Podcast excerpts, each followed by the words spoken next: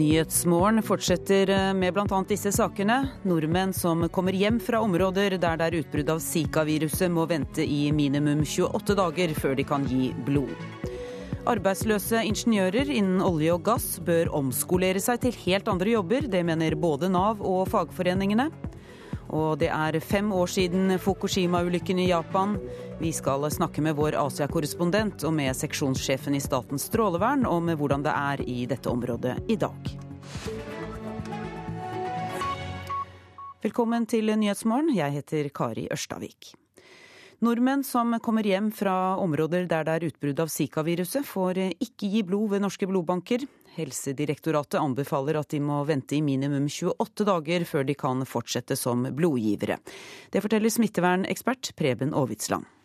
Folk som har reist i, i, i Sør- og Mellom-Amerika, eh, de bør ikke gi blod de første månedene etter de er kommet hjem.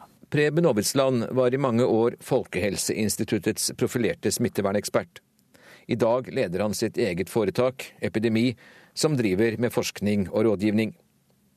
Det er viktig at blodgivere som har vært i områder med Zika-smitte, venter en god stund før de gir blod igjen, sier Aavitsland. Man kan jo risikere at man er blitt smitta av Zika-viruset under reisen, uten å merke det.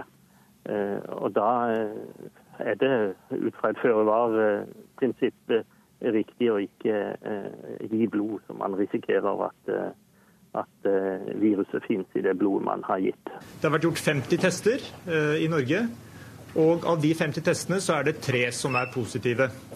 I går kom nyheten om at to gravide kvinner og en mann har fått påvist Zika-viruset her i landet.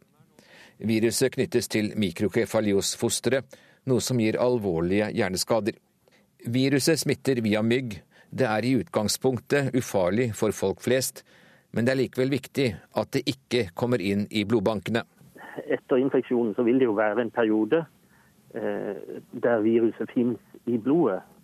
Nå vet man jo ikke hvor lang den perioden er, men den er nok iallfall noen uker.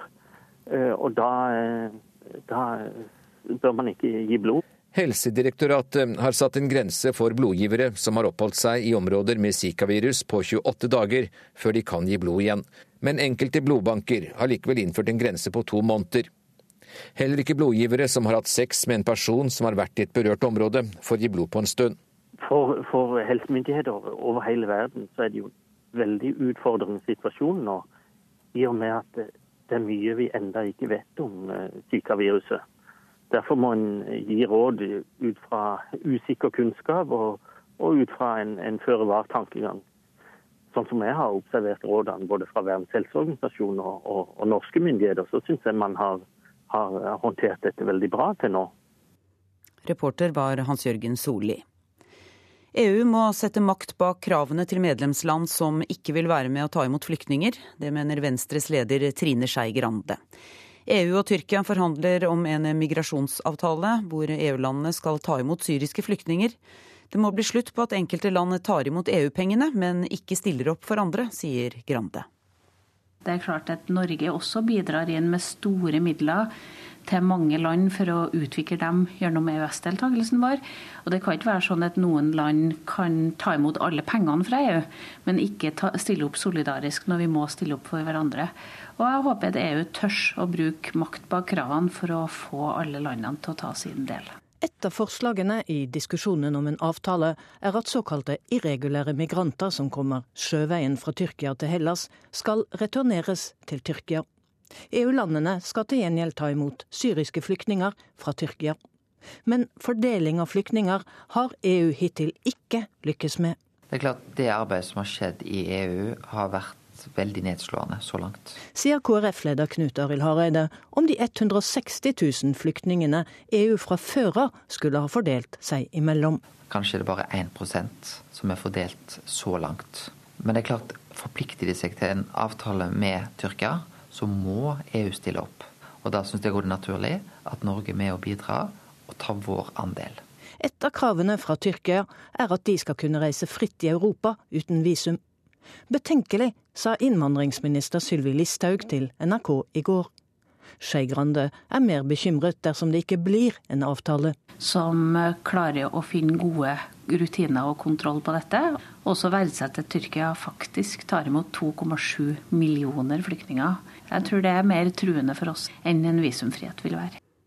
Reporter var Katrin Hellesnes. I dag er det fem år siden Fukushima-ulykken i Japan. Et enormt jordskjelv og en etterfølgende tsunami førte til at både atomkraftverket i Fukushima og store områder ble ødelagt. Over 1000 mennesker er fremdeles evakuert etter ulykken, og noen har fått flyttet tilbake. Andre vil ikke kunne bo på hjemstedet sitt igjen noensinne. Asia-korrespondent Peter Svaar, hva kan du si om situasjonen i Fukushima nå? Ja, fortsatt i dag, fem år etter katastrofen, så er jo et område i en 20 eh, km eh, stor radius fra Fukushima Daiichi-kraftverket evakuert. Dette området vil være ubeboelig for mennesker i 100 eh, år, flere hundre år fremover pga. den lange halveringstiden på cesium-137, som er den radioaktive isotopen som er den største forurensningskilden, og som eh, da er verdens verste atomulykke siden Tsjernobyl-ulykken i 1986. Fem år eh, har gått nå, og fortsatt har eh, mange av de evakuerte ikke kunnet flytte tilbake. Hvorfor ikke det? Ja, Dette området har jo blitt eh, Japans Tsjernobyl. Et uh, område som, uh, hvor bakgrunnsstrålingen er for høy til at det er trygt for mennesker å leve der. Akkurat som i Ukraina ligger landsbyer i Fukushima nå hvor tiden har frosset, hvor folk måtte evakuere i all hast for fem år siden, og hvor de fortsatt ikke har kunnet komme tilbake. Det er jo rundt 100 000 mennesker som ikke kan returnere til sine hjem. Rundt 180 000 som er berørt totalt. Og mange er i en fortvilt situasjon hvor de har mistet alt de eier og har, og også fortsatt har lån på husene som står inne i denne forbudssonen. Hva har egentlig skjedd i etterkant av ulykken? Hvordan har det gått fram? Det pågår jo fortsatt et enormt oppryddingsarbeid med om, om lag 7000 arbeidere som er i sving rundt uh, kraftverket nå. Mange av de farligste og på mange måter mest avgjørende oppryddingsoppgavene har de faktisk enda ikke gått i gang med. F.eks. så er store mengder uran fra de delvis nedsmeltede reaktorkjernene fortsatt uh, inne i de ødelagte reaktorhusene. De må fortsatt kjøles med veldig store mengder kjølevann, som det igjen er et eh, stort problem å kvitte seg med. Så oppryddingen vil ta mange tiår fortsatt. Så har jo ulykken også endret Japans forhold til atomkraft. Fortsatt er bare én av landets over 40 reaktorer i drift. Og selv om myndighetene ønsker og trenger kjernekraft, så er skepsisen nå svært dyp i den japanske befolkningen. Og det kan bli veldig vanskelig. Du, sånn eh, alt i alt, Hvordan har innbyggerne og myndighetene taklet katastrofen? For myndighetene har jo håndteringen av denne katastrofen vært et mareritt fra dag én, og er det på mange måter fortsatt. Da ulykken skjedde for fem år siden, så visste f.eks. den japanske regjeringen at tre av de seks reaktorene i eh, Fukushima Daiichi hadde begynt eh, å smelte. Eh, de holdt dette skjult for befolkningen i de første tre månedene. I dag så pumpes det 2000 tonn radioaktivt kjølevann rett ut i havet fordi man ikke greier å lagre alt det radioaktive kjølevannet på sikre vanntanker, og fremdeles vet ingen hva man skal gjøre med enorme berg av radioaktive planter løv, gress, avfall som er samlet inn i hele dette området for å senke eh, bakgrunnsstrålingen. Så For myndighetene har dette vært et pågående mareritt. Befolkningen har jo taklet dette med eh, kanskje en større ro enn man ville sett i andre land. Mm. Det er en klisjé å si at japanerne er sindige mennesker, men eh, akkurat her har det jo vært noe i det. Astrid Liland, du er eh, seksjonssjef i Statens strålevern, og du har vært i dette området flere ganger, nå sist i desember. Eh, hvordan vil du karakterisere situasjonen? Ja, for eh, befolkningen som er eh, evakuert, så er det jo fortsatt bekymring rundt om de skal flytte tilbake eller ikke. Det er tre områder som har blitt åpnet opp for eh, tilbakeflytting, og det er flere områder som er planlagt åpnet opp nå i 2016 og 2017. Men folk er usikre på om det er trygt, de er usikre på om det er hus der, er det helsetilbud, vil det være skole, vil det være jobb og butikker. Så det er mange spørsmål de har som de må vurdere før de kan ta en avgjørelse på om de vil flytte tilbake eller ikke. Og folks oppfatninger varierer helt fra nei, jeg vil aldri flytte tilbake, til jo, jeg vil flytte tilbake så fort som mulig. Hvordan syns du det har utvikla seg, stemningen blant i folket? Da vi var der nede i 2011, så var folk veldig sinte veldig frustrerte. Og de skjønte ingenting av situasjonen, for de hadde ikke noe kunnskap om dette fra før av. De var blitt lovet av japanske myndigheter at atomkraft var helt trygt, så de hadde ingen kunnskap om at det kunne gå galt, og hva de i så fall skulle gjøre. Men uh, over tid så har man jo da klart å bygge opp noe kunnskap i befolkningen og også lokale myndigheter. Og uh, i dag så er situasjonen mer positiv. De har fått muligheter til å gjøre målinger selv og se hvordan deres egen situasjon er. Og det er en mye mer positiv eh, stemning i en del av disse områdene rundt evakueringen. Men fortsatt er det jo selvfølgelig en utfordring for mange mennesker der. Mm. På hvilken måte har norske myndigheter eh, bidratt etter Fukushima-ulykken?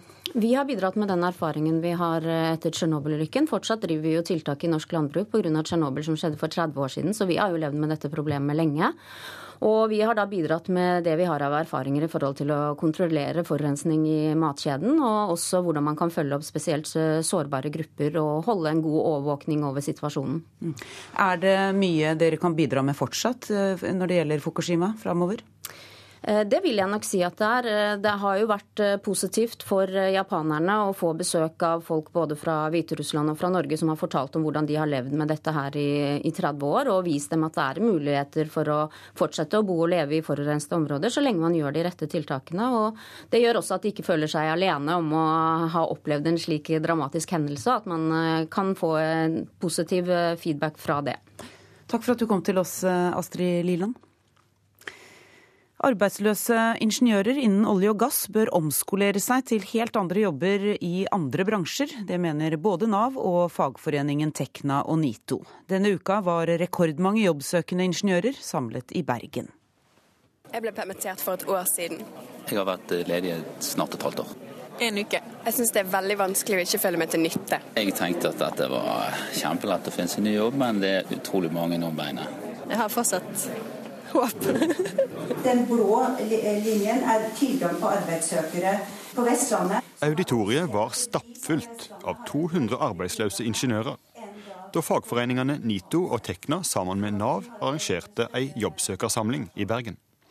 Fylkesdirektør i Nav Hordaland, Anne Kverneland Buksnes, presenterte tallene som viser sanningas øyeblink for ingeniører i olje- og gassbransjen. 450% økning i antall ledige ingeniører.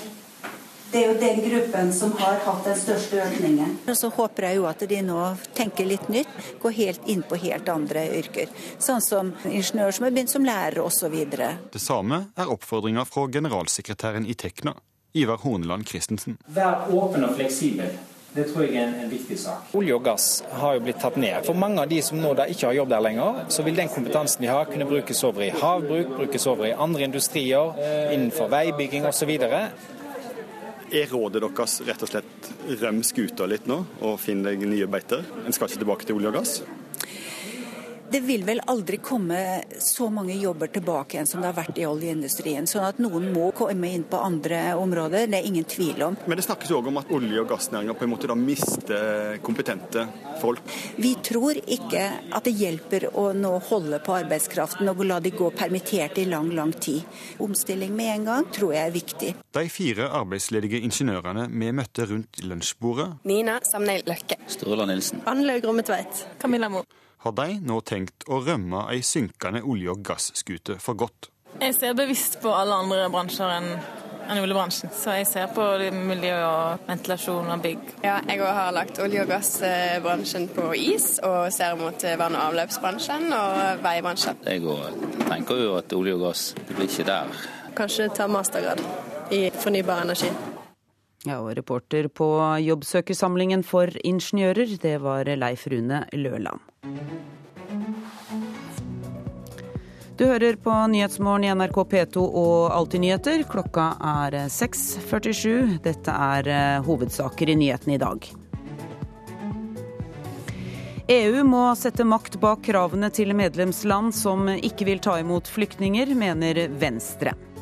Donald Trump får trolig støtte fra Ben Carson i sin kamp for å bli presidentkandidat.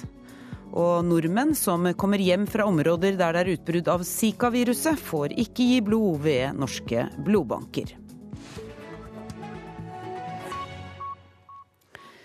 De norske skiskytterjentene er, er revansjsugne foran dagens stafett i VM. Under onsdagens normaldistanse ble det total svikt på standplass. Allikevel mener jentene at de kan slå tilbake. Vi drømmer om å kunne dra ned på universitetsplassen og ta imot medaljer, men eh, det er en lang vei å gå frem dit, og vi har ikke vist at vi har vært i nærheten av det før. For Fanny Horn Birkeland og resten av de norske skiskytterjentene har vist variabel form, spesielt på standplass. Til sammen 19 bom på onsdagens normaldistanse vitner om et lag som har mye å jobbe med. Vi må ut og jobbe med både oss selv og blinkende og fighte mot konkurrentene rundt på siste rundene våre hvis vi skal være i nærheten av å oppleve drømmen vår. For det er liten tvil om hva jentene har mål om. Medalje. ja, ja, ja. Og der er mulighetene, sånn som du ser det? Ja, jeg har veldig lyst til at alle jentene skal få oppleve det å stå på Mendel Plaza og, og få medalje. Tiril Eckhoff viste på sprinten at det er mulig for de norske jentene å hevde seg på hjemmebane men da må samtlige heve innsatsen et par knepp. Det som er viktig å tenke på for, for jentene og for meg nå, er at eh, vi har det inne. Det er ikke noe vi må trene opp. Eh, det er for sent å trene opp noe nytt nå. Eh, så nå må man liksom stole på seg sjøl og stole på at en kan. Mulighetene er jo kjempestore. Vi går fort på ski, og hvis vi treffer alle blinkene sånn som vi gjør en gang iblant, så er jo alle muligheter der. Men det er fire løpere som skal ha to skytinger hver. og og Da må vi få det til der sånn hvis vi skal utnytte de mulighetene som ligger i laget. Føler ikke vi har noen ting å tape. Vi har ikke kommet på pallen så langt i år, så føler jeg at vi skal gå ut og virkelig kjempe for å prøve å eh, nå en plass på pallen. Får vi se. Reporter var Kristine Norvik Skeide. Vi har kommet til avisenes forsider eh, i dag. Flere gjør nå et kupp i boligmarkedet, skriver Bergens Tidende på sin forside, og går gjennom hva som skjedde med 100 boliger i Bergen. En megler sier at eh, i stedet for svimlende budkriger, er det nå blitt mer vanlig med forhandlinger mellom kjøper og selger. Og kjøper kan forvente å få boligen til prisantydning. Boligprisene er også forsidesaken i Dagens Næringsliv. Det vil bli lav vekst i år, men i 2017 tar boligprisene av igjen. Statistisk sentralbyrå tror boligprisene skal opp 5% i året fra 2017 til, 20, til og med 2019. Dagbladet har på sin eh, forside bilde av Russlands president Vladimir Putin og USAs mulige republikanske presidentkandidat Donald Trump med teksten 'Buddy-alliansen vi bør frykte'. En norsk forsker mener disse to er en farlig duo, og at det kan skape problemer for Norge dersom Trump stilles overfor verdens mektigste mann. I VG kan vi lese om politiledere som er anmeldt for økonomisk kriminalitet. Flere ledere i Politiets utlendingsenhet er ifølge avisa beskyldt for overtidsjuks og kjøp av privat snekkerutstyr. Tyrkias president Tayyip Erdogan troner forsiden til Aftenposten i dag. Presset Europa i kne, står det. Et eh, lekket referat fra EU-møtet avslører hvordan Tyrkias president har truet seg til å få viljen sin. I Nasjonen finner vi kommunalminister Jan Tore Sanner med oppslaget 'Reformen kan koste milliarder'. Sanner fra Høyre kan ende opp med å bruke to milliarder på støtte til kommuner som slår seg sammen, viser Nasjonens beregninger.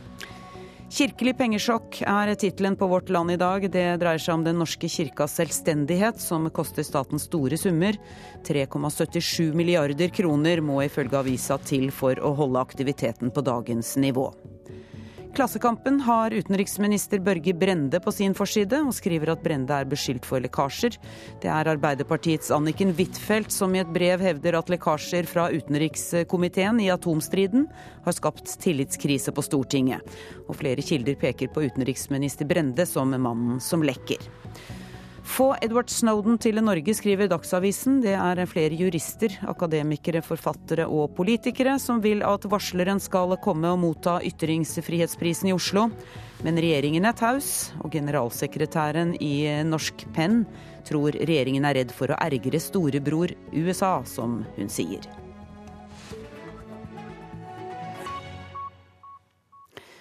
Generalsekretær Torbjørn Jagland i Europarådet er eh, glad for at Russland er i gang med en grundig gransking av episoden der en norsk journalist ble banket opp av ukjente gjerningsmenn i Nord-Kaukasus onsdag. Jagland sier Europarådet følger nøye med på vilkårene for menneskerettigheter og ytringsfrihet i regionen. Det er et område som eh, det er veldig mye vold i. Det er veldig mange forskjellige krefter og grupper som uh, utspiller mye av denne volden der. Så det er klart at det er et farlig område for journalister å bevege seg i. UDs reiseråd er jo å holde seg borte fra disse områdene. Hvor viktig er det likevel at vi får informasjon ut derfra? Ja, Vi er jo veldig glad for at uh, noen tar risikoen ved å dra dit. Vi observerer jo hele tiden. Vi har jo våre monitoreringsorganer som, og Menneskerettighetskommissæren som har adgang til området under beskyttelse. Sånn at vi er jo løpende orientert om hva som skjer der. Torbjørn Jagland har sett at journalister stadig oftere blir utsatt for angrep og trusler. I ett år har han forsøkt å få oversikt over alle slike hendelser gjennom et nettverktøy Europarådet har opprettet i samarbeid med flere journalistorganisasjoner. Registrering av episoder på denne nettsiden gir Jagland et formelt grunnlag til å ta saken opp med de land det måtte gjelde. Og dette har blitt et ganske effektivt instrument for oss for å beskytte journalister mot angrep og trusler, og angrep mot mediefriheten generelt sett. Reporter var Thomas Alvarstein Ove. To ytterpunkter i kulturlivet, i kulturlivet, møtes i Festspillene i Harstad og kalottspill i Målselv til sommeren. Det er elektronikamusikk og folkedans. Og nå holder forestillingen Andføttes på å ta form.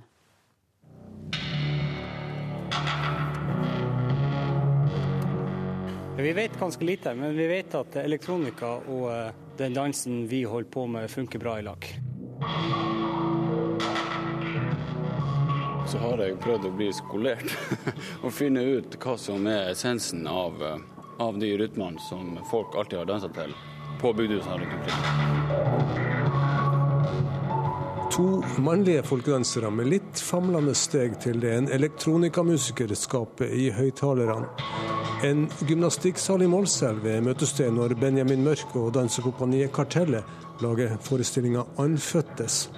Den skal ha premiere i Festspillene i Harstad i juni. De er årets festspillprofiler.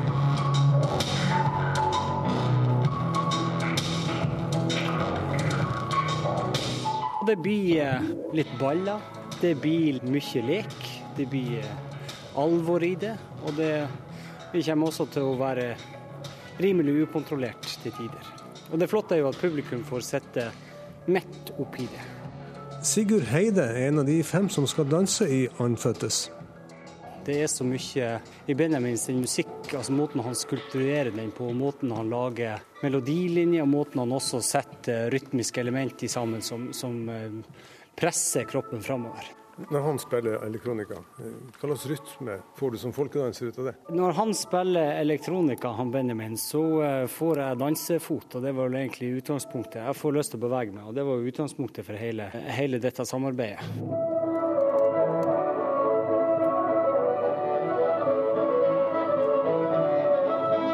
Jeg prøvde liksom prøvd å ikke bare legge dem oppå hverandre, men la det liksom gli inn i en annen, sånn at ting forsvinner fra eller den elektroniske musikken, og noe forsvinner fra folkemusikken, og så blir det noe annet på midten. Benjamin Mørk, komponist og musiker fra Senja med tilhold i Tromsø.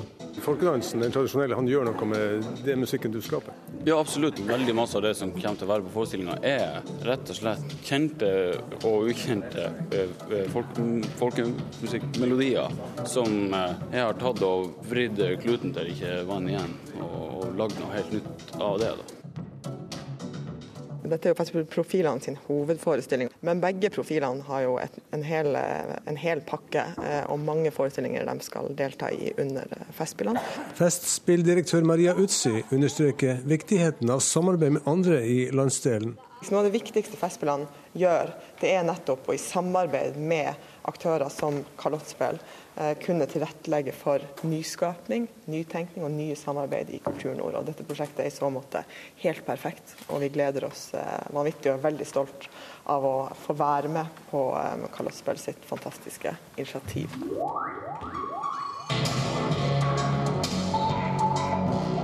Det er kanskje ikke det mest vanlige. For Nina Fjelde, daglig leder i Kalottspill, er samarbeidet om anfødtes spesielt. Det innrømmer hun. Jeg vet ikke, Den vinklinga og inngangen på det her syns vi er så spennende. At det er på en måte en naturlig ting å ta inn på kalottspill òg. Så det er liksom å finne essensen i hva er det som får folk til å ville danse til en pols eller en springer eller en reinlender. Er forestillinga ferdig nå, eller Nei. blir den skapt utover våren? Den blir skapt utover våren. Så vi er godt i gang. Jeg har snart eh, landa all musikken til den. Så skal vi gå i gang med å jobbe i lag og igjen.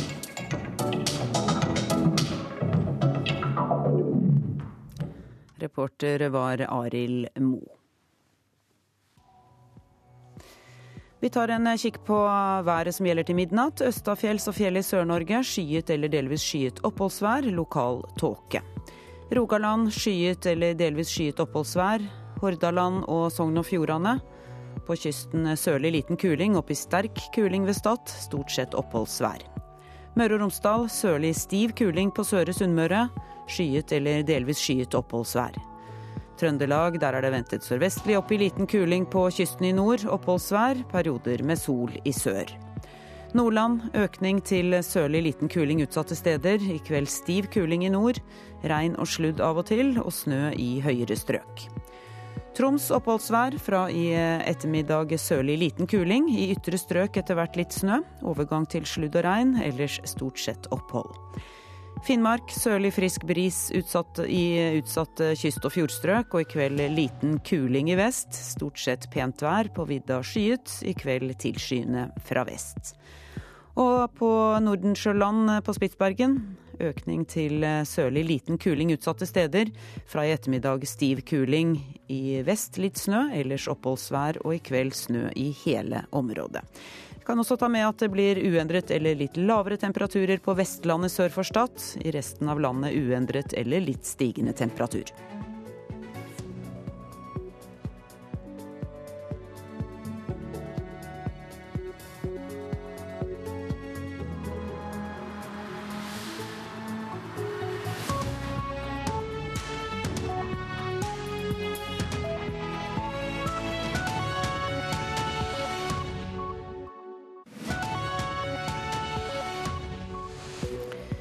Nyhetsmorgen fortsetter i P2 og Alltid nyheter med disse sakene. Rettssaken Anders Behring Breivik fører mot staten kan bane vei for at eh, andre innsatte, som også blir isolert, får bedre soningsforhold. Det var knyttet stor spenning til republikanernes presidentdebatt i natt. Få dager før valget kan bli avgjort. Men i natt var det en mer sivilisert tone. Og i disse dager er det fem år siden borgerkrigen startet i Syria. 30 humanitære organisasjoner går i den anledning sammen og ber stormaktene om ikke å helle mer bensin på bålet.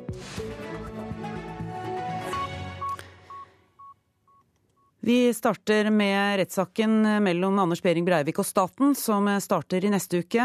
Er det, der er det viktigere å ha fokus på alle andre som sitter isolert i norske fengsler. Det mener forsker ved Dansk institutt for menneskerettigheter, Peter Smith. Breivik saksøker staten for brudd på menneskerettighetene. I norske fengsler sitter rundt ti innsatte, utelukket fra fellesskapet med andre innsatte. Bak murene i et av landets høyrisikofengsler, Skien fengsel i Telemark. Her soner Anders Behring Breivik på avdeling for særlig høy sikkerhet uten kontakt med andre innsatte. Det gir han isolasjonsskader, mener advokat Øystein Storvik.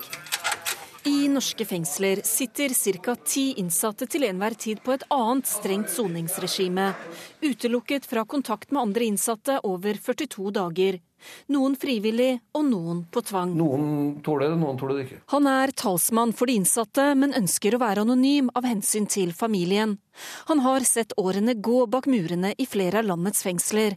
Flere av dem alene, isolert på en celle. Sittet halvannet år og to år i slengen. Sånn. Jeg var oppe på morgenen, spiste frokost, ned og trente en time klokka ni. Og opp på cella.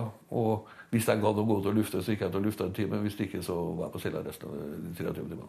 Når den sivile rettssaken mellom Breivik og staten starter neste uke, er det de andre som sitter isolert man må ha fokus på, sier forsker ved Dansk institutt for menneskerettigheter, Peter Smith. Hvis vi taler om isolasjon i fengsler, så er det der det store problem ligger. Det er et større problem enn at én person sitter i isolasjon her, én her. At det er hundrevis og i løpet av et år ofte tusenvis, der opplever å bli lukket inne på denne måten. Når en innsatt har sittet ett år på full utelukkelse, skal de etter loven tilbake til fellesskapet. Men noen har sittet lenger, sier assisterende direktør ved Kriminalomsorgsdirektoratet, Jan Erik Sandli. To som har sittet lengst, eh, har vel én sittet begynner å nærme seg eh, to år, og så er det en som har sittet opp mot tre år. Ved Ila fengsel har de satt i gang tiltak, slik at innsatte som er isolert, får mer samvær med de som jobber i fengselet, nettopp for å forebygge isolasjonsskader. Det er allment kjent at eh, langvarig isolasjon, eller langvarig da, utelukkelse fra kontakt med andre, er skadelig. Og når så mange innsatte i langt kortere perioder sitter helt utelukket, isolert, uten kontakt med andre innsatte, hvordan kan det da være greit med Breivik? Ja, jeg vil ikke kommentere den, den enkeltsaken, men, men, bruk av isolasjon eh, Det vi har snakka om, og utelukkelse fra fellesskapet, er av helt andre grunner enn innsettelse på avdeling med særlig et sikkerhetsnivå. Dører låses opp, sikkerheten er høy i Skien fengsel. Så lenge det sitter ufrivillig på isolasjon, og så der, så er det jo tortur. Liksom for å si det sånn, for det, er jo Ingen mennesker er bygd for å være ensom på den måten. der. Så Alle vil jo protestere så lenge det blir holdt mot din egen vilje. Folk som isolerer seg frivillig, ikke sant? de protesterer jo ikke. De vil jo helst være Det er mange som sitter her, som går og isolerer seg frivillig fordi de har gjort noe gærent eller noe sånt og ikke vil ut i fangebefolkningen. Mm. Så sitter de isolert, de klager jo ikke det. De har det bra. Men så fort du sitter isolert under tvang, så virker det på en annen måte. Reportere var Ellen Omland og Ingunn Andersen. Thomas Horn, du er stipendiat ved Institutt for offentlig rett ved Universitetet i Oslo og har doktorgrad om, om nettopp isolasjon. Velkommen til oss. En dansk forsker eh, mener altså at Breiviks rettssak mot staten kan bane vei for andre innsatte, så de kan få bedre soningsforhold. Hva tror du? Eh, jeg tror at Breiviks eh, tilfelle er helt spesielt. Det er vanskelig å trekke noen paralleller fra det til all den andre isolasjonsbruken som er i norske fengsler. Eh, men saken skaper jo mye oppmerksomhet om isolasjonsproblematikken, og dette er et felt som vi bør tenke mer kritisk over. Ja, hvorfor sitter noen fanger isolert? Det er veldig mange forskjellige grunner. Alle som sendes i politiarresten, havner på glattcelle og, og sitter isolert der uten noen grunn ofte. Det har vi fått en dom mot oss eh, som sier at det er en krenkelse av eh, europeiske menneskerettskonvensjonen. Eh, så kan man sitte isolert i varetekt av bevisforspillelseshensyn, og man kan sitte isolert besluttet av fengselet av en rekke grunner. Ro, orden, sikkerhet osv. Hva syns du om bruken av isolasjon? Eh, jeg tenker at vi må ha et mer kritisk og mer reflektert eh, forhold til det. På eh, noen områder er vi spesielle i verdenssammenheng. Varetektsisolasjon er et skandinavisk fenomen som man ikke har så mye andre steder. Uansett så er isolasjonen så inngripende at vi ikke må bruke det mer enn strengt nødvendig. Norge har en dom mot seg, forteller du. Men hvordan praktiseres isolasjon i Norge sammenlignet med andre land? Ja, Når det gjelder dette med sikkerhetsisolasjon, som er i Breiviks tilfelle, så peker vi oss ikke spesielt negativt ut i Norge. Men det er likevel inngripende, og vi må ha et, et, kritisk forhold til det. Når det gjelder varetektssituasjonen som nevnt, så, så peker vi oss ut sammen med Sverige, kanskje spesielt. Danmark har ryddet opp i problemene der og bruker det nå nesten ikke. Men ser du at det er tilfeller der man er nødt til å bruke isolasjon? Helt klart, det, det er det. Så det som er poenget er at vi må ha et kritisk forhold til bruken. Hvordan skal denne, dette kritiske forholdet utøves, da? Eh, ja, F.eks. i politiarrestene så eh, kan man enkelt omforme politiarresten slik at det blir en mulighet for fellesskap. Slik det er i dag, så havnes, eh, havner alle inn på en fyllearrest, som er en glattcelle, og man blir sittende der helt isolert uten at det er noen grunn til det. Er det noe risiko forbundet med dette fellesskapet?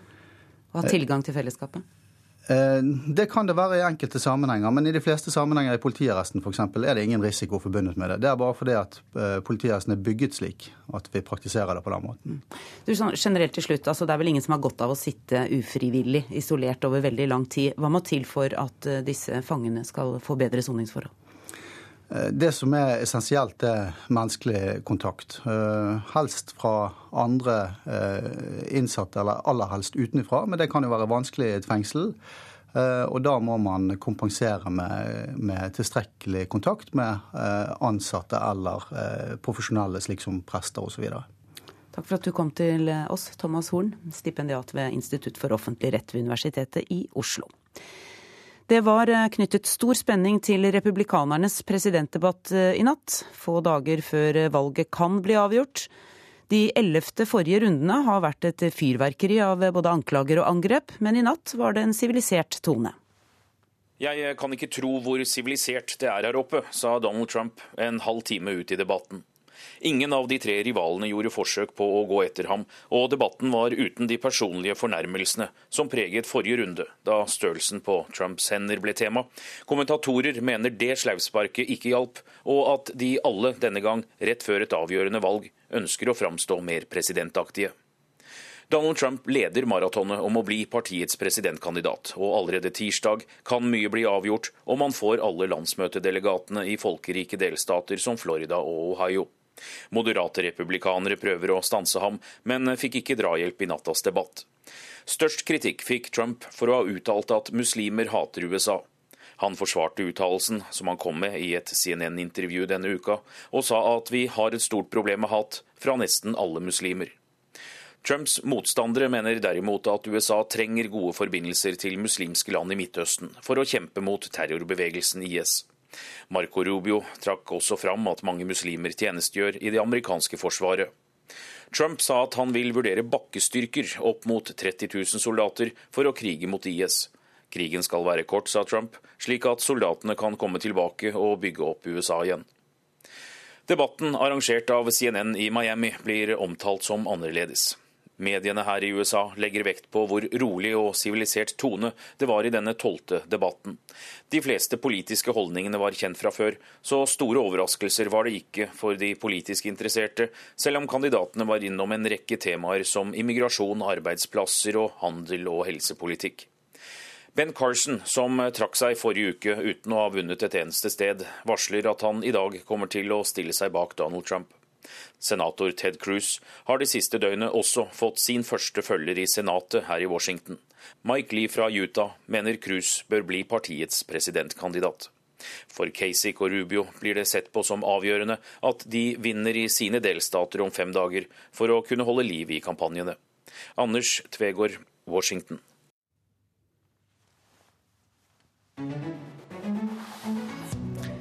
Du hører på Nyhetsmorgen. Klokka er 7.13 eh, der.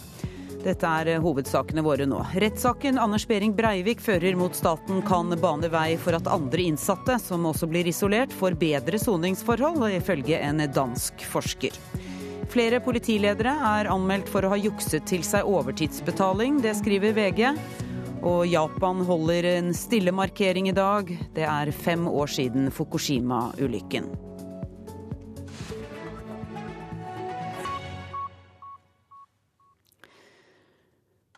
Journalisten Øystein Vinstad skal etter planen reise hjem til Norge i dag. Vinstad har vært på sykehus i den russiske delrepublikken Ingusjetia etter at han og flere andre ble banket opp av maskerte venn, eh, menn. Moskva-korrespondent Morten Jentoft, du er på, i Ingusjetia og har møtt journalisten som ble angrepet. Hva forteller de? Ja, eh, jeg snakket med dem på telefonen riktignok, for eh, fremdeles så slipper vi ikke helt inn til rommet deres. Det er væpnede vakter eh, her på sykehuset i byen Sunja i Ingusjetia. Men de har det etter forhold bra. De har fått sovet bra i natt. Og Øystein Vinstad han håper at han skal komme seg hjem, da i alle fall til Moskva i dag, og kanskje videre også til Norge senere i kveld. Det er i hvert fall det som er planen så langt. Så eh, eh, for eh, Maria Persson Løvgren fra Sveriges Radio så er det litt mer komplisert fordi hun mistet bl.a. passet sitt i forbindelse med dette angrepet, så hun må ordne opp i noen papirer før hun får, får reise, reise herifra. Russiske myndigheter har lovet en gransking av angrepet. Vet du noe mer om denne etterforskningen? Ja, det var jo grundige forhør av eh, både Øystein Vinstad og Maria eh, Persson Løvgren her i går. Eh, etterforskningen, Jeg har også snakket med politiet her. Etterforskningen pågår for fullt. Problemet er jo det at dette skjedde altså inne i Ingusjetia. Og Maria Persson Løvgren fortalte meg i går at det er helt klart at de som angrep denne bussen, de forsvant over grensen og inn i Tsjetsjenia. Så spørs det da hva russiske myndigheter klarer å gjennomføre av etterforskning inne i Tsjetsjenia. Vi vet jo at det er en republikk som styres beinhardt av president Ramzan Kadyrov. Og den russiske innflytelsen på bl.a. politiet der, den er relativt begrenset. I går ba den norske journalisten Vinstad norske myndigheter altså om hjelp for å, for å bli evakuert, fordi han fryktet at han fortsatt var i fare. Er det noen grunn, er det grunn til det? Det vet man jo ikke helt. altså. Det er jo en noe uoversiktlig situasjon her. Men nå er myndighetene, jeg snakket også med en representant for myndighetene engasjert her i sted, veldig opptatt av at uh, disse to skal komme seg ut trygt. De ønsker å sørge for at de kommer til flyplassen trygt. Sånn at mye gjøres nok her da for å, å, at ikke noe skal skje med dem. For folk her i Ingosjetia så er jo dette en, en veldig pinlig hendelse. Folk her er kjent for å være veldig gjestfrie, ta godt imot gjester. Og et sånt angrep som dette her, eh, det mener folk, eh, alle som vi har snakket med her, er fullstendig uhørt. Ikke minst måten de behandlet kvinner på i forbindelse med dette angrepet. Takk skal du ha. I disse dager er det fem år siden borgerkrigen startet i Syria, og 30 humanitære organisasjoner går i den anledning sammen og ber stormaktene om ikke å helle mer bensin på bålet. Rapporten tar også for seg situasjonen i Syria, og det er dyster lesning. Det anslås at 250 000 mennesker er drept. Millioner er på flukt, og mange lever uten rent vann og nok mat. En rekke hjelpeorganisasjoner arrangerer et møte foran rådhuset i Oslo klokka 8.30 i dag, der også utenriksminister Børge Brende skal holde en appell. Lisa Sivertsen, du er politisk leder i organisasjonen CARE. Av rapporten kan vi jo lese at det har eh, gått fra vondt til verre i Syria. Ja, eh, det stemmer. Og det siste året, det femte året av krigen, har vært det blodigste og det mest skadelige for den eh, sivilbefolkninga i Syria.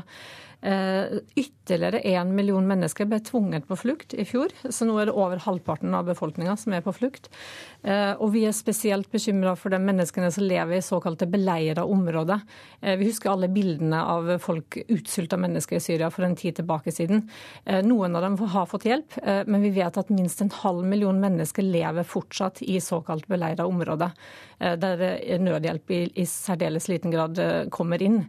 Eh, så situasjonen eh, har blitt verre i Syria eh, i det siste året. Og Dere skriver i rapporten at stormaktene må slutte å helle bensin på bålet. Hva mener dere? Ja, Det som opprinnelig var jo en borgerkrig, ble, har jo blitt en regional og også en, en global konflikt. Eh, og det er jo særlig, altså De stridende partene i Syria har jo først og fremst ansvaret. Men det er særlig også stormaktene i Sikkerhetsrådet, altså Russland, USA, Frankrike og Storbritannia, eh, som sitter på nøkkelen til en fredelig løsning. Eh, fordi de har så enorm innflytelse på de stridende partene, og fordi de også bidrar militært i konflikten, så sitter de på et kjempestort ansvar. Og, Men hva er det de gjør i dag, i og med at dere mener de heller bensin på bollet? Eh, ved å gå inn og eh, skape, eh, bidra til at konflikten vedvarer, i stedet for å bruke den innflytelsen de har, til å gjøre slutt på lidelsene i Syria. Nå, det jo, det blitt, nå ser vi jo en kime til håp. Vi har en våpenhvile, en skjør våpenhvile. Og fredssamtalene skal jo tas opp igjen i neste uke. Og Derfor sier vi i dag at da må alle som sitter rundt det bordet, både de stridende syriske partene og stormaktene viser en reell vilje til å legge ned våpnene og få slutt på mm. konflikten. Eh, det er ikke første gang dere eller flere hjelpeorganisasjoner går sammen på, på, årsdagen for krigens start for å kreve fred i Syria. Hjelper det noe? Altså, eh, vi, vi får jo da, I dag kommer Børge Brende og skal snakke, eh, og det er viktig. Norge har jo også en rolle å spille. Men det er også viktig for oss å minne det norske folk på at dem som til syvende og sist lider aller mest her, det er jo den syriske sivilbefolkninga. Og i dag ønsker vi å minne om at den syriske befolkninga trenger vår støtte. Det pågår eh, fredssamtaler om Syria. Det, I hvilken grad kan vi stole på at disse forhandlingene kan eh, føre fram til noen løsning? Altså Hittil har det, jo, har det jo ikke skjedd så mye, men vi ser vi har, vi har, mer håp nå. Det har jo vært, Den våpenhvilen blir jo i stor grad respektert. Eh, og vi håper at alle skjønner at vi ikke har råd til et sjette år av krigen i Syria. Takk skal du ha, Lisa Sivertsen. Vi skal til eh, vår Midtøsten-korrespondent Sigurd Falkenberg Mikkelsen. Du er med oss fra Damaskus. Den siste uka har du reist rundt i Syria. Hva har gjort sterkest inntrykk? Det er to ting. For det første så er ødeleggelsene her alltid et sterkt syn. Veldig store deler av landet er krigsherjet. Og f.eks. i den sentrale byen Homs så er store deler av byen totalt ødelagt. Og man besøker da ruiner som minner mer om Stalingrad enn noe annet. Eh, men så skal det også sies at det er deler av landet som eh, fungerer sånn noenlunde. Men også der eh, er, man preget av krigen. Men noe av den dype skaden her går også på måten det syriske samfunnet har blitt ødelagt på. Hvor, hvordan krigen preger hvordan folk ser på omverdenen, hvordan de ser på naboene sine, hvordan de, hvordan de mentalt orienterer seg i verden. Eh, og Det har også vært en dramatisk endring her i løpet av de årene som krigen har gått. Og man ser en forsterkning av både religiøse og, eh, og sekteriske eh, tendenser. Ja, Hvordan ser syrerne på hverandre, på naboene sine? Hva forteller mennesker du møter? Det er, det er vanskelig. altså det er, nå er det et visst håp. Eh, de aller fleste jeg har snakket med, ønsker at denne våpenhvilen skal vare, at den skal utvides, og at de skal få en mulighet til å komme tilbake til dagliglivene sine igjen. Samtidig så er de også uten mange illusjoner om at det er en lett jobb. Jeg har snakket også med folk som syns de har vært gjennom så mange forhandlingsrunder uten at det skjer noe, og de tror ikke det vil skje noe, noe mer nå. Sånn det er mange unge her også som har tapt illusjonene sine. Eh, men det er klart at eh, å skulle skape et felles Syria etter alt de har vært gjennom nå, det er en prosess som kommer til å ta lang tid. Og det er ikke sikkert at det i det hele tatt er eh, mulig. Du har jo vært i Syria flere ganger, Sigurd. Hvordan vil du beskrive utviklingen de siste åra? Jeg har reist her jevnlig siden konflikten startet. Og det var jo ingen som hadde trodd at det skulle bli en så eh, stor krig, en eh, total krig, som nå også eh, involverer Russland og, og USA. Sånn at dette har, vært et, dette har gradvis blitt verre, og den litt roligere perioden vi er inne i nå, må ikke dekke over at sivilbefolkningen har fått det vanskeligere og vanskeligere for hvert år som går. Men som sagt, det er et lite håp her nå. Eh, og Så får vi se hva som eh, kommer ut av eh, forhandlingene i Genéve, som da skal tas opp igjen til uka. Takk skal du ha. Vi ser på avisene. Flere gjør nå et kupp i boligmarkedet, skriver Bergens Tidende i dag, og går igjennom hva som skjedde med 100 boliger i Bergen. En megler sier at i stedet for svimlende budkriger, er det nå blitt mer vanlig med forhandlinger mellom kjøper og selger. Og kjøper kan forvente å få boligen til prisantydning. Boligprisene er også forsidesaken i Dagens Næringsliv. Det vil bli lav vekst i år, men i 2017 tar boligprisene av igjen. Statistisk sentralbyrå tror boligprisene skal opp 5% i året fra 2017 og til og med 2019. Dagbladet har på sin forside bilde av Russlands president Vladimir Putin og USAs eh, mulige republikanske presidentkandidat Donald Trump med teksten 'Buddy-alliansen vi bør frykte'. En norsk forsker mener disse to er en farlig duo, og at det kan skape problemer for Norge dersom Trump stilles overfor verdens mektigste mann. I VG kan vi lese om politiledere som er anmeldt for økonomisk kriminalitet. Flere ledere i Politiets utlendingsenhet er ifølge avisa beskyldt for overtidsjuks og kjøp av privat snekkerutstyr, og er anmeldt til Spesialenheten for politisaker. Tyrkias president Tayyip Erdogan troner forsiden til Aftenposten i dag. Presset Europa i kne, står det. Et lekket referat fra EU-møtet avslører hvordan Tyrkias president har truet eh, seg til å få viljen sin. I Nasjonen finner vi kommunalminister Jan Tore Sanner med oppslaget 'Reformen kan koste milliarder'.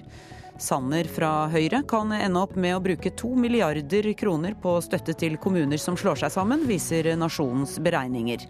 Meningsløs ressursbruk, mener Senterpartiet og SV. Kirkelig pengesjokk er tittelen på Vårt Land i dag. Det dreier seg om Den norske kirkas selvstendighet, som koster staten store summer. 3,77 milliarder kroner må ifølge avisa til for å holde aktiviteten på dagens nivå. Klassekampen har utenriksminister Børge Brende på sin forside, og skriver at Brende er beskyldt for lekkasjer. Det er Arbeiderpartiets Anniken Huitfeldt som i et brev hevder at lekkasjer fra utenrikskomiteen i atomstriden har skapt tillitskrise på Stortinget. Og flere kilder peker på utenriksminister Brende som mannen som lekker. Å få Edward Snowden til Norge, skriver eh, Dagsavisen. Det er flere jurister, akademikere, forfattere og politikere som vil at varsleren skal komme og motta ytringsfrihetsprisen i Oslo. Men regjeringen er taus, og generalsekretæren i Norsk Penn tror regjeringen er redd for å, storebror, for å ergre storebror USA, som eh, generalsekretæren sier.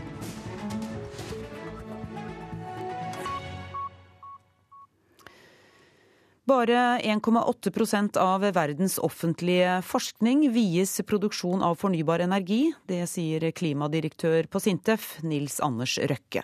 Han mener dette er kritisk lite hvis vi skal unngå å overlate en umulig oppgave til neste generasjon. 30 førsteklassinger på forskerlinja ved Horten videregående skole jobber i grupper. Oppgaven er stor og alvorlig. Hvordan skape en verden med ren og fornybar energi og nok mat til en voksende befolkning. Nå holder vi på å skrive en rapport om klimaavtalen og hvilke følger det vil få for oss som land og verden og enkeltpersoner. Og hvordan vi skal klare å følge de kravene vi har forplikta oss til. Blant 16-åringene på forskerlinja er det ingen mangel på klimaengasjement. Men om man skal vurdere det samme engasjementet blant verdens styrende politikere, de norske inkludert, ser det verre ut, ifølge Sintefs klimadirektør Nils Anders Røkke. Det virker jo åpenbart uprofesjonalt, gitt at dette er verdens største problem. og Parisavtalen har jo store ambisjoner i forhold til, til utslippskutt, selv om vi vet at de ikke er tilstrekkelige. Men med 1,8% av verdens og den offentlige forskningsinnsats innenfor området er åpenbart feil. På forskerlinja ved Horten videregående er elevene ikke særlig imponert over politikerne. Politikk virker ikke så fristende, sier Victoria Westeng. Politikk er egentlig ikke noe for meg, føler jeg. Jeg er litt for utålmodig til å være med på politikk. Men jeg kan i hvert fall gjøre noe her. Så jeg føler, jeg føler meg trygg på disse realfagene mine, så da, da gjør jeg mitt med de. Jeg tror at um, de unge vil ha stor interesse av å ta del i denne dugnaden, den klima- og energidugnaden vi snakker om på en global uh, basis. Uh, for det, er dem som skal overta denne uh, verden her, dem og deres etterfølgere. Og hvordan oppleves det å skulle reparere våre ødeleggelser? Jeg spør Marius Thorsvold Ellefsen, annenklassing med fysikk som spesialfelt. Jeg syns det er litt skremmende, men jeg har også tro på at vi kommer til å klare det. Jeg håper det går bra. Men kjenner dere som er unge nå, et press på dere? At det er oss det kommer an på? Jeg kan jo ikke uttale meg for alle unge, men jeg kjenner det presset om at eh, jeg er en del av den generasjonen som må rydde opp. Og på godt og vondt så er jeg dedikert til at det er noe jeg må være med på. Um, jeg ønsker å jobbe med fornybar energi i fremtiden. Um, det har på en måte vært drømmen min å jobbe med vindmøller. Har du bestemt deg for at uh, dette er det du vil jobbe med profesjonelt? Ja, rett og slett. Um, jeg ønsker å gjøre noe. Jeg ønsker ikke at jeg skal sitte uh, når jeg er gammel og tenke tilbake at jeg burde gjort noe. Reporter var eh, Kristina Stø. I reportasjen etter Dagsnytt kan du høre at ungdom fra Tibet denne uka har demonstrert utenfor flere kinesiske ambassader. De krever frihet for Tibet.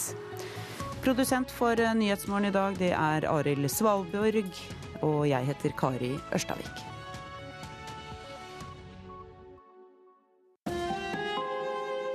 Hør ekko.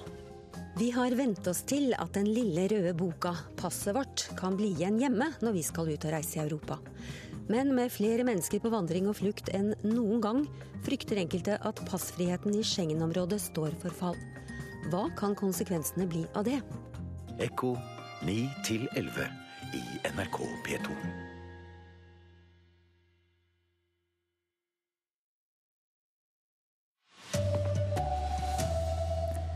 Rettssaken Anders Behring Breivik fører mot staten kan føre til bedre soningsforhold for andre fanger som sitter isolert. Nordmenn som har vært i land med Zika-viruset får ikke gi blod ved norske blodbanker nå. Og EU må sette makt bak kravene til medlemsland som ikke vil ta imot flyktninger, mener Venstre-lederen. Her er NRK Dagsnytt klokka 7.30 ved Tone Nordahl.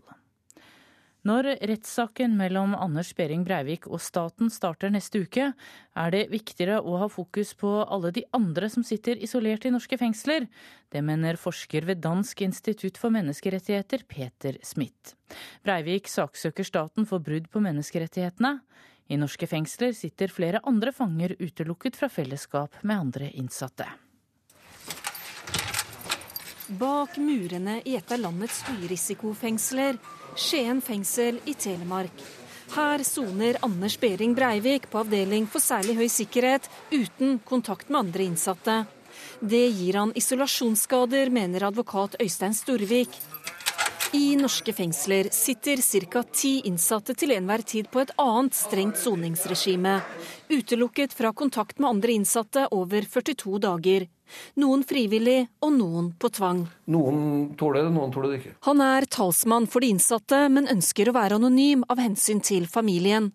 Han har sett årene gå bak murene i flere av landets fengsler. Flere av dem alene, isolert på en celle. Sittet halvannet år og to år i slengen. Jeg var oppe på morgenen, spiste frokost ned og trente en time klokka ni, og opp på cella. Når den sivile rettssaken mellom Breivik og staten starter neste uke, er det de andre som sitter isolert man må ha fokus på, sier forsker ved Dansk institutt for menneskerettigheter, Peter Smith. Hvis vi taler om isolasjon i fengsler, så er det der det store problem ligger.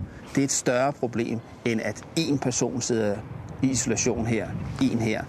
At det er hundrevis og i løpet av et år ofte tusenvis der opplever å bli lukket inne på denne måten. Når en innsatt har sittet ett år på full utelukkelse, skal de etter loven tilbake til fellesskapet. Men noen har sittet lenger, sier assisterende direktør ved Kriminalomsorgsdirektoratet, Jan Erik Sandli. To som har sittet lengst, eh, har vel én sittet begynner å nærme seg eh, to år, og så er det en som har sittet opp mot tre år. Ved Ila fengsel har de satt i gang tiltak, slik at innsatte som er isolert, får mer samvær med de som jobber i fengselet, nettopp for å forebygge isolasjonsskader. Det er allment kjent at eh, langvarig isolasjon, eller langvarig da, utelukkelse fra kontakt med andre, er skadelig. Reportere her var Ellen Omland og Ingunn Andersen. Journalisten Øystein Vinstad skal etter planen reise hjem til Norge i dag. Vinstad har vært på sykehus i den russiske delrepublikken Ingusjetia etter at han og flere andre ble banket opp av maskerte menn. Moskva-korrespondent Morten Jentoft, du er med oss fra Ingusjetia og har snakket med journalistene som ble angrepet. Når får de reise hjem? Ja, Når det gjelder Øystein Vinstad, så får han trolig reise hjem i løpet av dagen, tidlig på ettermiddagen, trolig. Når det gjelder Maria Persson Løvgren fra Sveriges Radio, så ble jo hun, mistet hun passet i forbindelse med dette angrepet. Så for henne er det en byråkratisk arbeid som også må ordnes. Men sannsynligvis så får de begge to reise hjem i dag. Og myndighetene her er jo veldig opptatt av at det skal skje i ordnede forhold, former og under kontroll slik at det ikke blir noe flere episoder. Ja, I går så ba jo Vinstad om hjelp til å bli evakuert. Er det noen grunn til å tro at han fremdeles er i fare? Nei, jeg tror egentlig ikke det. Altså, det er ingenting som tyder på, på at det, det, vil komme noen flere angrep av det som skjedde på, på, på, onsdag. Dette var jo en veldig pinlig sak for eh, myndighetene her i Ingosjeti at de ikke klarte å beskytte eh, disse journalistene og menneskerettighetsforkjemperne. Eh, selv om mange kanskje ser litt skeptisk på dem, så eh, handler det om ære for gjester som er her. Sånn at eh, nå er man veldig opptatt og veldig på pinne inne her da, for at det ikke skal skje noe med dem. Derfor har det også vært veldig vanskelig for oss, eh, eller for, for NRK da, å få kontakt med dem direkte, selv om vi hele tiden snakker med dem på telefonen. Kort til slutt, Morten, Hva vet du om etterforskningen av dette nå?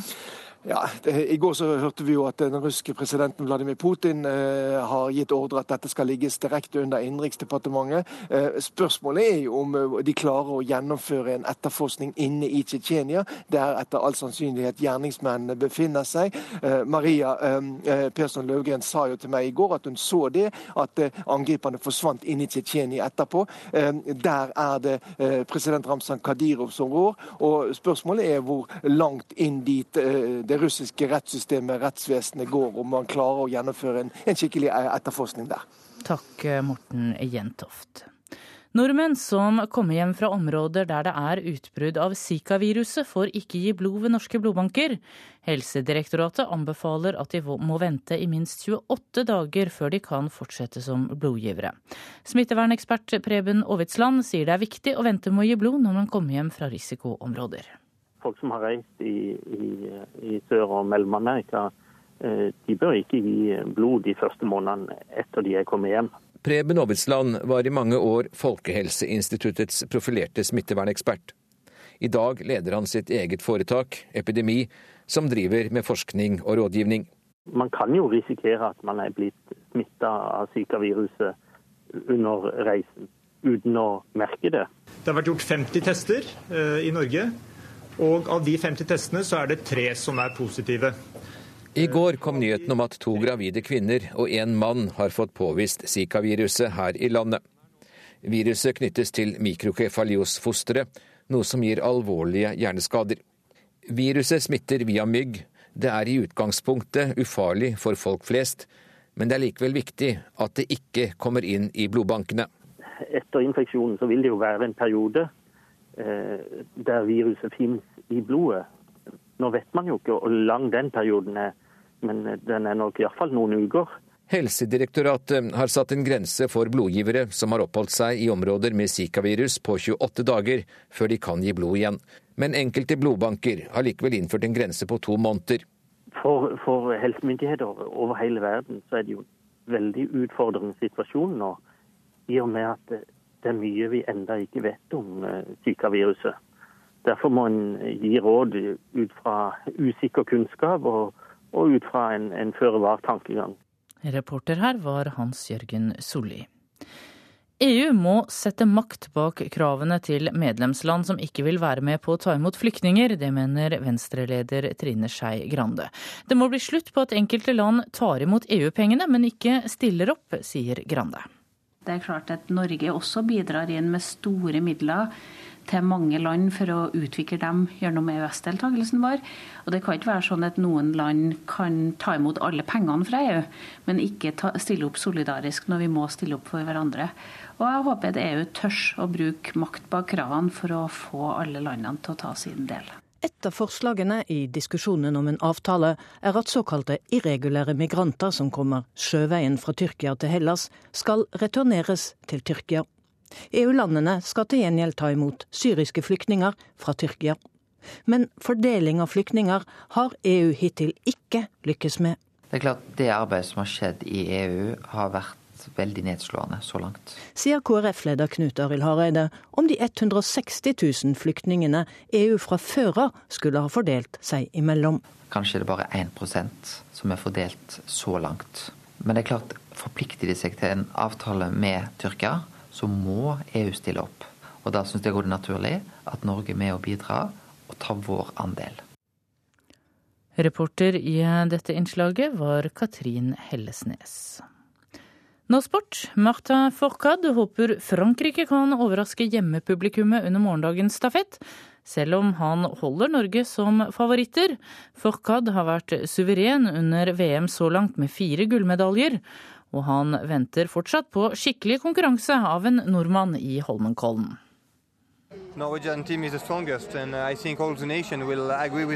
Det norske laget skal være det sterkeste, og det er alle nasjonene enig i.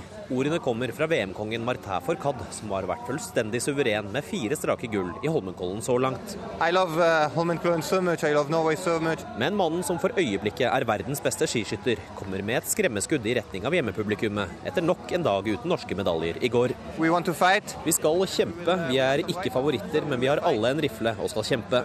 Norge har det største potensialet, men skiskyting handler ikke alltid om potensialet, er beskjeden fra Forkad. Ole Einar Bjørndalen er mektig imponert over sin franske konkurrent. Nei, det er bare å gratulere. Ja, det sa Ole Einar Bjørndalen. Reporter var Mats Håby. Og kvinnenes stafett under VM i skiskyting hører du allerede i dag på NRK P1 klokka 15.05. Ansvarlig for Dagsnytt, Anne Skårseth. Og Nyhetsmorgen fortsetter på P2. Ungdom eh, fra Tibet har denne uka demonstrert utenfor flere kinesiske ambassader med krav om frihet for Tibet, som i dag er en del av Kina. Utenfor Kinas ambassade i Nideli i India utviklet demonstrasjonene seg til sammenstøt mellom unge tibetanere og politiet.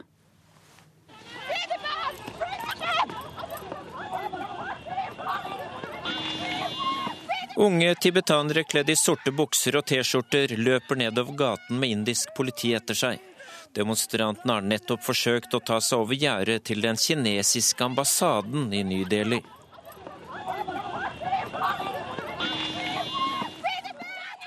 Noen ungdommer løper fra politiet, andre snubler og faller eller blir innhentet av menn og kvinner i uniform.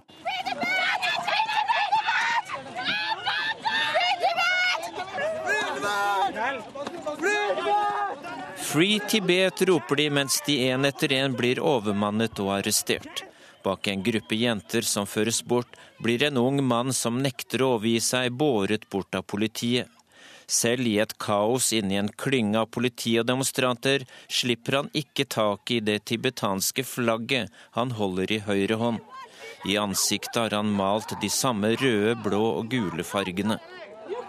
What we want! We Flere demonstranter får en røff behandling. De dyttes og nærmest lempes inn på lasteplanet på politiets pickuper. Bak et gitter i en av bilene roper en sint demonstrant ut sitt budskap til frammøtte journalister, blant dem det internasjonale nyhetsbyrået Associated Press. We want freedom of Tibet. We've been suffering for 57 years now. We want people to support us. Vi krever frihet for Tibet, vi har lidd i 57 år. Vi ber om at omverdenen skal støtte oss. Demonstranten sikter til datoen 10. mars i 1959, da nåværende Dalai Lama måtte flykte fra Tibet. Dalai Lama lever i eksil i India. På vegne av det tibetanske folket mottok han Nobels fredspris i 1989, noe som resulterte i kraftige protester fra Kina. Long live Dalai Lama! China Lenge leve Dalai Lama, roper en demonstrant. Tibetanerne i gatene i Ny Delhi er fortvilet over at verdens ledere ikke er mer opptatt av deres sak. Målet er et fritt Tibet.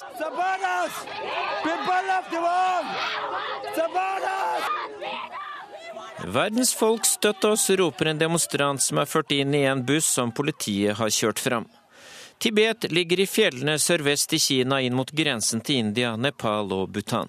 Regionen var et keiserdømme fram til 1911. Det har opp igjennom historien vært en rekke konflikter med den store naboen i øst. I 1950 gikk Kina til militær aksjon mot Tibet. Dalai Lama håpet lenge på en løsning med Kina, men valgte å flykte i 1959. På papiret er Tibet en autonom region, men alt som har med forsvar og utenrikssaker, bestemmes i Beijing. Disse tibetanerne i Ny Delhi frykter overmakten Kina. De opplever at det kinesiske maktapparatets jerngrep altfor ofte går over i direkte overgrep. Et eksempel er at tibetanere ikke har lov til å ha bilde av Dalai Lama i hjemmene sine. Et annet er bruken av tortur i fengslene i Tibet. I gjennomsnitt flykter 2500 personer fra Tibet hvert eneste år. Det er dannet en tibetansk eksilregjering, men den har ikke oppnådd internasjonal anerkjennelse. Men i praksis representerer den 100 000 tibetanere som lever i eksil. Det sa reporter Dag Bredvei.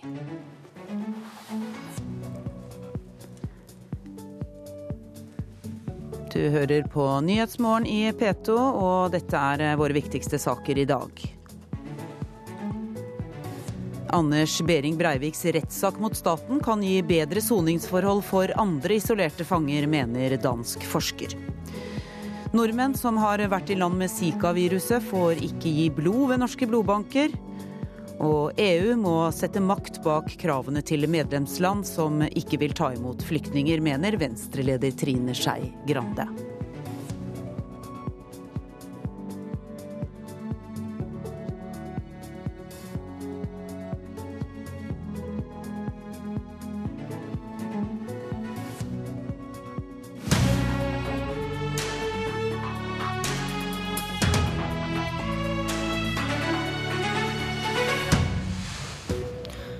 Når Arbeiderpartiet lykkes, skaper de høyrevelgere og graver sin egen grav.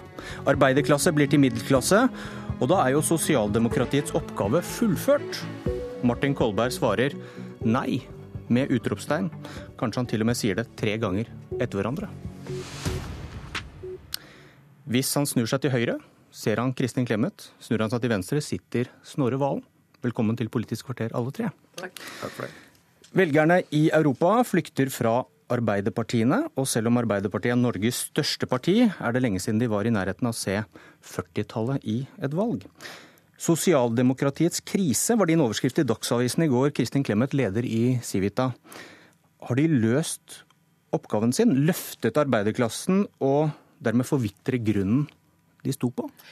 Eh, det er ikke sikkert det er hovedforklaringen, men det er en av de forklaringene som diskuteres når man diskuterer sosialdemokratiets krise i Europa. Det har vært et tema som har vært der eh, mange år, og som også har kommet eh, til Norge. For det norske Arbeiderpartiet har jo greid seg ganske bra målt mot sosialdemokrati i mange andre land. Jeg tror det er flere forklaringer på at man har mye mindre oppslutning i dag enn for en del tiår siden. Og en av dem er det du nevnte. Nemlig at det som har vært Arbeiderpartiets historiske oppgave, så å si å løfte arbeiderklassen, Eh, vi har jo hatt nå, altså hvis man ser etterkrigstiden, en enorm velstandsvekst.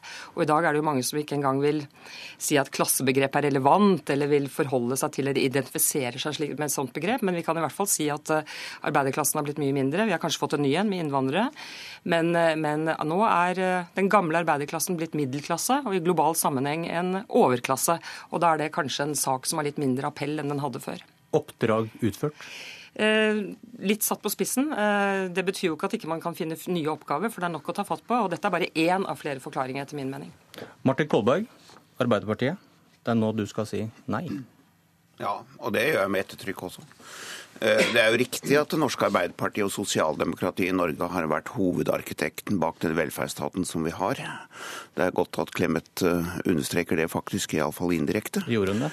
Ja, indirekte så gjorde hun det. Hun, ja, hun gjør nok det, men eh, jeg oppfatter det slik. Hun sier jo at oppdraget er utført et stykke på vei, og da har vi fått en velferdsstat som vi har stått i spissen for. Så det er bra å få innkassert. Men når dere lykkes, men, så skaper dere høyrevelgere. Jeg lurer på om det er Raymond Johansen som har sagt dette her en gang. Ja, jeg, jeg, hører den tesen der med jevne mellomrom. Jeg er ikke enig i den. Jeg er imidlertid veldig tydelig på at sosialdemokratiet selv må passe på at man fortsatt er sosialdemokrater. Det mener jeg.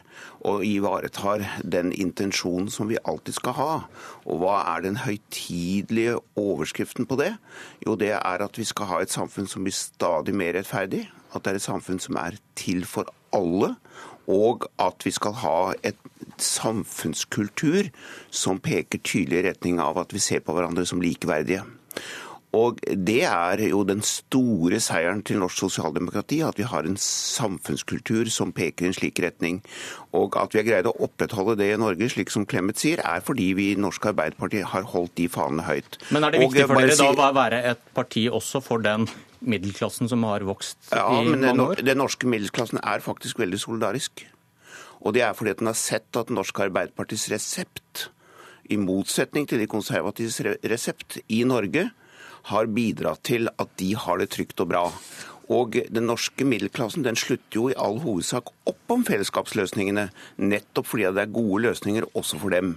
Slik at eh, den, den, det som vi kan kalle for klasseforståelsen, som går ut på at vi skal alle sammen være like, at vi alle sammen skal ha like muligheter, og at samfunnet skal bli mer rettferdig, det er den avgjørende faktoren for at sosialdemokratiet skal være sterkt. Så sosialdemokratiet skal passe på seg sjøl. Da kommer sosialdemokratiet til å stå sterkt.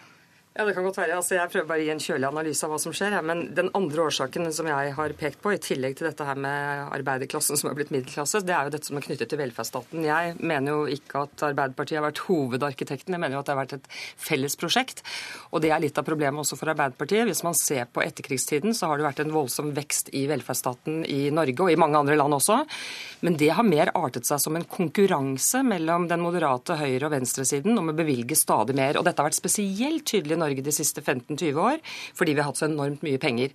Men det som har skjedd på toppen av dette i mange land, det er at vi har fått såkalte høyrepopulistiske partier av litt ulik eh, art, som har vært de partiene som på en måte har, de har brutt ut av denne høyre-venstre-aksen på mange måter. Og det har vært partier som har eh, villet bevilge mest av alle til velferdsstaten. Og Dette er kanskje også en delforklaring på sosialdemokratiets tilbakegang. Man ser jo at mange velgere som har vært hos Arbeiderpartiene før, har gått til de såkalte høyrepopulistiske partiene. Men nå har vi ennå ikke kommet inn på den viktigste forklaringen. Vi kommer, vi kommer til den, men eh, vi må komme til eh, en gjest som ikke er mindre viktig enn dere to andre. Snorre Valen, nestleder i SV. Hva er din Kjøli-analyse? Jeg tror det er stort potensial for ufrivillig komikk hvis jeg som nestleder i SV skal fortelle Arbeiderpartiet hvordan de flår flere, flere velgere. Men gjør det likevel? Det Nei, men jeg skal si, eh, si, noe om et par ting som bekymrer meg, noen tegn i tiden. Og Det er eh, hva som kan skje hvis folk flest opplever at det ikke er noe bånd mellom de og venstresidepartiene mer. Eh, og Da er det én ting å innta sånn gode standpunkt fra dag til dag, som Martin Kolberg ofte gjør, for eksempel, og Arbeiderpartiet ofte gjør. Men hvis du river opp noe av grunnlaget for velferdsstaten vi har, så vil nok stadig flere f.eks. søke mot høyrepopulistiske partier. Og Da har jeg et par eksempler. Det ene er eh, pensjonsreformen som skaper store forskjeller klassemessig. Hvis du er en manuell arbeider født på 60-tallet og jobber akkurat like mange år som en akademiker født på 60-tallet, så ender du opp med mye mindre pensjon.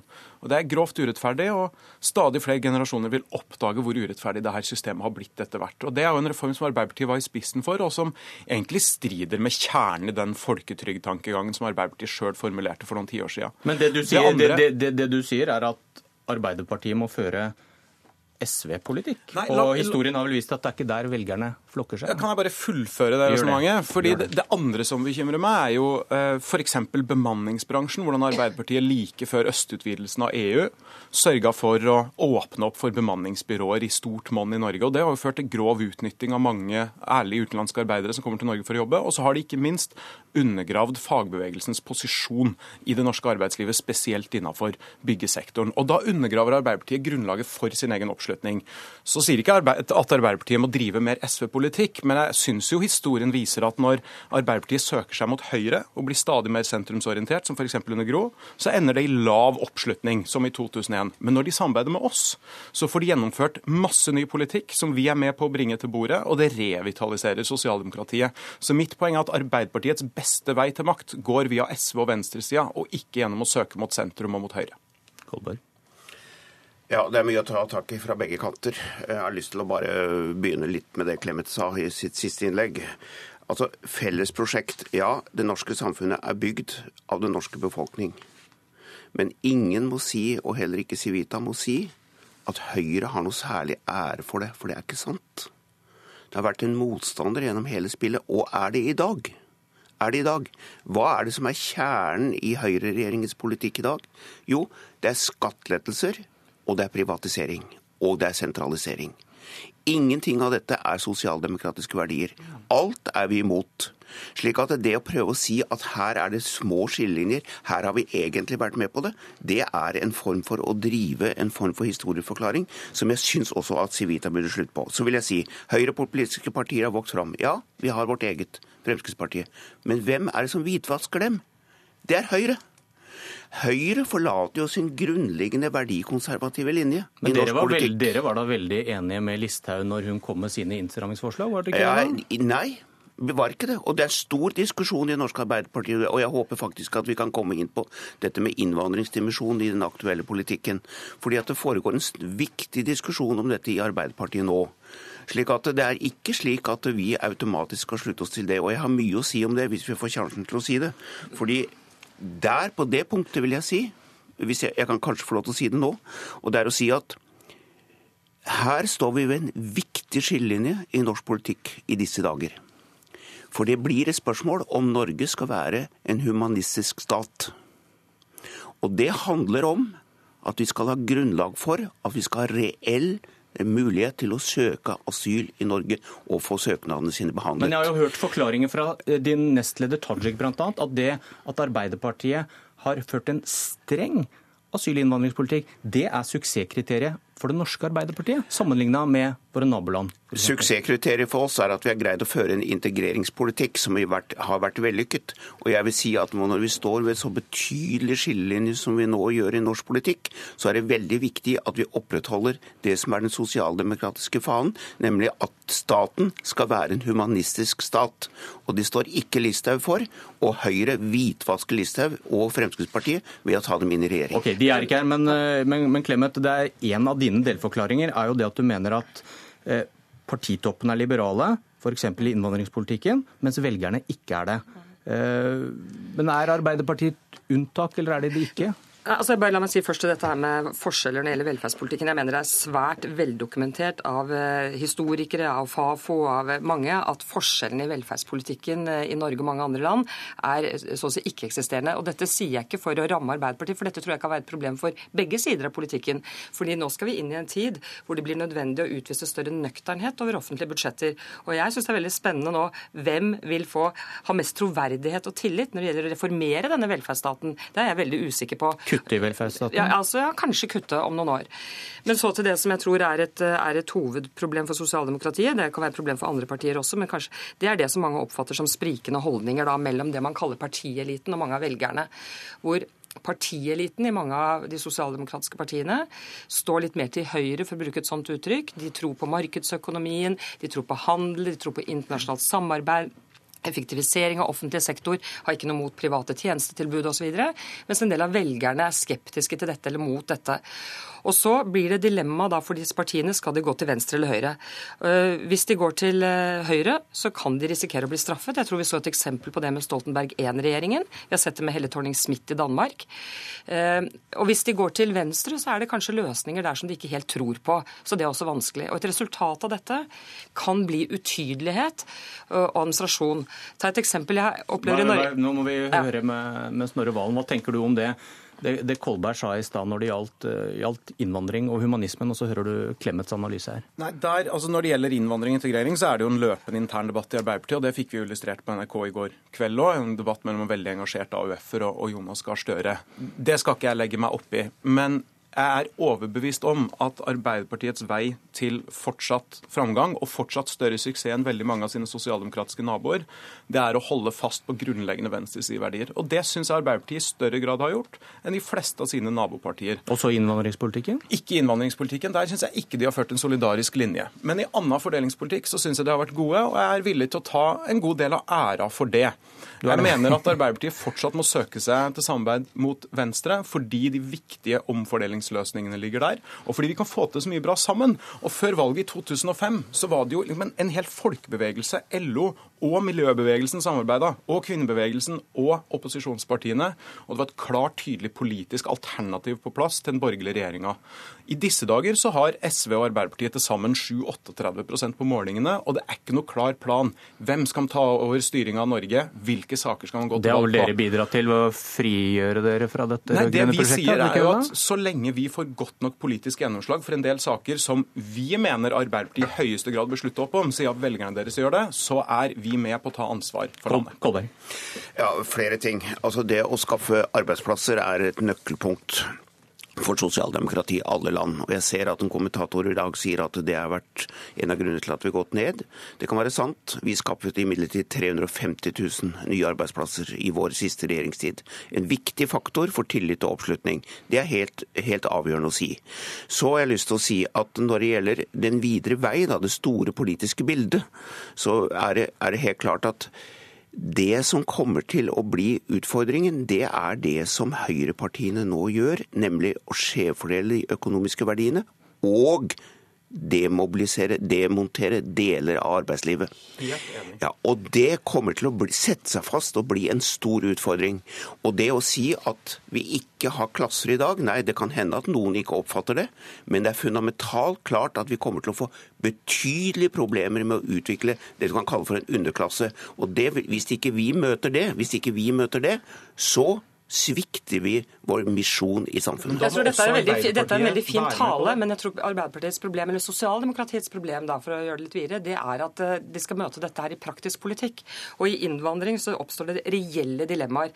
Eh, hvis det er tid til å ta et eksempel. Og vi har 20 sekunder. Ja, alle vil ha flyktninger raskt i arbeid. Høyresiden er kanskje villig til å foreslå da at en såkalt innslusingslønn, litt lavere lønn i en periode, og det reiser dilemmaer for sosialdemokratiet. Okay. Skal det da være solidarisk med flyktningene, eller med den hjemlige fagbevegelsen? Og det er helt reelt. Det blir aldri noe av. Vi kunne fortsatt. Ukas siste Politisk kvarter er slutt. Jeg heter Bjørn Myklebust.